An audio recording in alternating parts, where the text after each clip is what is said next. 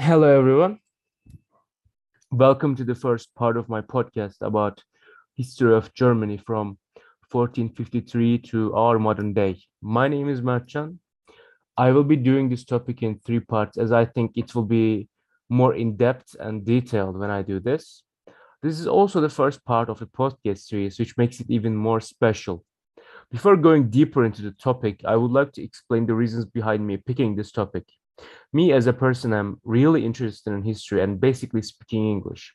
So i decided to uh, mix them both in this podcast and do a podcast about a country's history in english. I am really interested in, in germany as a country too as i find their history as i find their you know they're really famous for making cars they're really famous for basically investing on technology. So i really like germany as a country too so I decided uh, that I would do Germany first. Know that I will also do podcasts about other countries who had a strong impact on world history.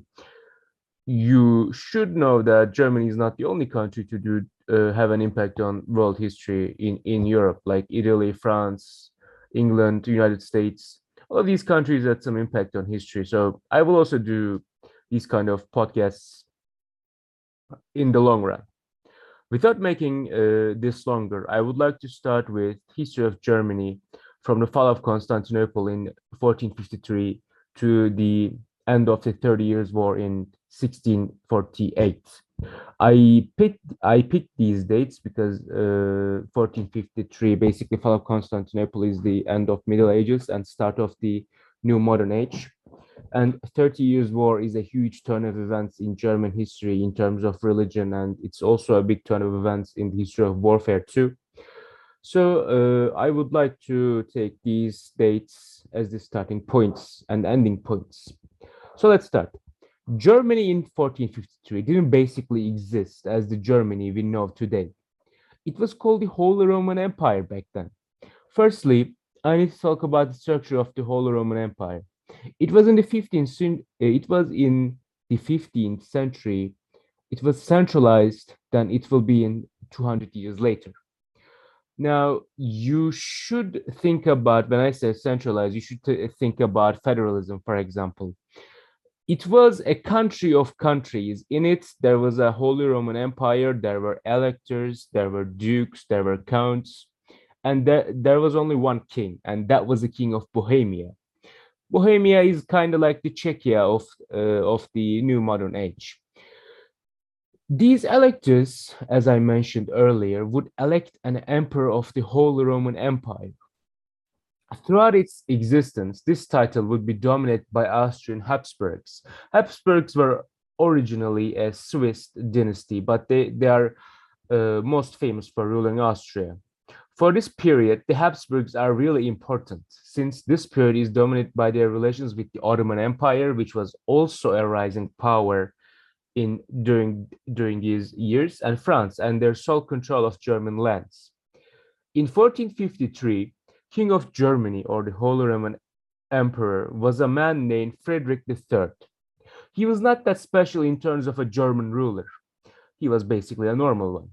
His son Maximilian succeeded him and he helped to establish Habsburg control over Spain by marriages. Now, Habsburgs are famous for marrying uh, their cousins, you know, the, their uh, close relatives. Um, but the other thing that they're famous for is that they know how to do diplomacy by marriage. His grandson Charles V is really important since he was not only the emperor of Germany, but also the king of Spain. An interesting event also happened during his timeline, the Reformation. Reformation is without a doubt one of the most important events in German history.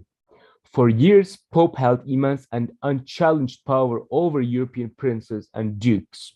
Now, this is a thing of the uh, Middle Ages, Catholic Church having an absolute power over dukes, as it was the Pope who crowned the dukes, the kings, and the emperors. However, this came to an end as a monk named Martin Luther placed his 95 Theses on a church in Wittenberg, thus standing against the Catholic Church. His ideas shaped around Lutheranism and split Western Christianity into two parts Catholicism and Protestantism. Now, we all know Martin Luther as the founder of Lutheranism. He was a really important person. He is, he is the person to stand against the uh, authority of the Catholic Church by uh, uh, with his 95 theses. Uh, he was actually a target of the um, Catholic Church, but the Duke of Bavaria protected him, so Catholic Church couldn't get to him. Emperor Charles V was not that warm towards the ideas of Luther, as he was a devout Catholic. He declared Luther as an outlaw in the Diet of Worms in 1521. Rule of Charles V also saw action with the French and the Ottoman Empire. During those years, the Ottoman Empire was being ruled by a famous sultan named Suleiman the Magnificent. Now, me being Turkish, I really know about him, but if if uh, someone doesn't know him, I can say that he's also an important figure. Like he's as important as Charles V is important to Austrians and Spanish. He was uh, the Sultan named Suleiman the Magnificent was allied to uh, was allied to the French, who, despite being Catholic, was supporting the Protestants. France was doing this in order to weaken the Habsburg rulers of Germany. Charles V lost Buda to the Ottomans, which kinda harmed his anti-Ottoman policies. After the wars of the French and the Ottomans, he conceded the Peace of Augsburg. Peace of Augsburg is known to have ended the religious division within the Holy Roman Empire and made the division of Christianity official within the Holy Roman Empire. Now, you all know that France and Ottoman Empire were allied against the uh, Habsburgs. Uh, this event, this alliance is really special since it's the first time a Christian power and a, Muslim power allied in history. Charles V rule saw Reformation and, of course, the fights with Ottoman Turks and the French. And then comes the Peace of Augsburg. Now, you know that the Reformation shaped Christianity and basically divided into Protestantism and Catholicism. Peace of Augsburg kind of uh, official made it official that, and it was the first time that Holy Roman Empire recognized Lutheranism as a as a well basically new new way of Christianity. It it it is the peace that made the vision of Christianity official within the Holy Roman Empire. Now this was the rule of Charles V. After Charles, crown of Germany passed to his brother Ferdinand I, and then to his son Maximilian II and then to his son Rudolf II. After Rudolf, his brother Matthias took over the crown of Germany. During his reign, one of the most famous events of German history started the Thirty Years' War. The Thirty Years' War was a conflict of religion. It first started when Protestant Bohemians threw out some people over the windows over religious issues, and then this turned into a rebellion. Ferdinand's forces crushed the rebellion, and many thought that it would end there. However, Danish thought that this would make Austria way too powerful and so decided to intervene. Beginning the Danish phase of the conflict, Danish armies saw limited success and were beaten by the Catholic forces badly. And they were pushed all the way back to the Jutland region of Denmark. Denmark had no choice but to sue for peace. And then it was Sweden's turn to try out their luck. Sweden was also a Protestant country with a militaristic tradition, and their leader, Gustavus Adolphus, was a great commander. He won many great victories and basically turned the tide of the war in favor of the Protestants. After him, French also decided to intervene. You would expect a Catholic nation like France to be inside of the Catholics, but instead they aided the efforts of Protestants in this war. This is enough to show that politics took over religion, which dominated European wars in Middle Ages. This is really important considering the fact that France is a well, France is called the daughter of the Catholic Church. So you would expect them to at least aid the Catholics. But this just shows that it is the the effect of religion is getting reduced uh, by the Reformation. 30 Years' War is probably one of the most important, not probably, like definitely one of the most important events of the German history. The importance of this event is that not just religion, but this war was so destructive that Germany lost so much of its own population that after 200 years it was if there's it was still to recover as dukes like prussia uh, bavaria uh, schleswig-holstein literally invited people from outside the Holy Roman Empire to recover those uh, civilians that were lost during the war. The 30 after the 30 years war, which ended in 1648, uh, new the war's conclusion was that the central authority of the emperor was now in ruins.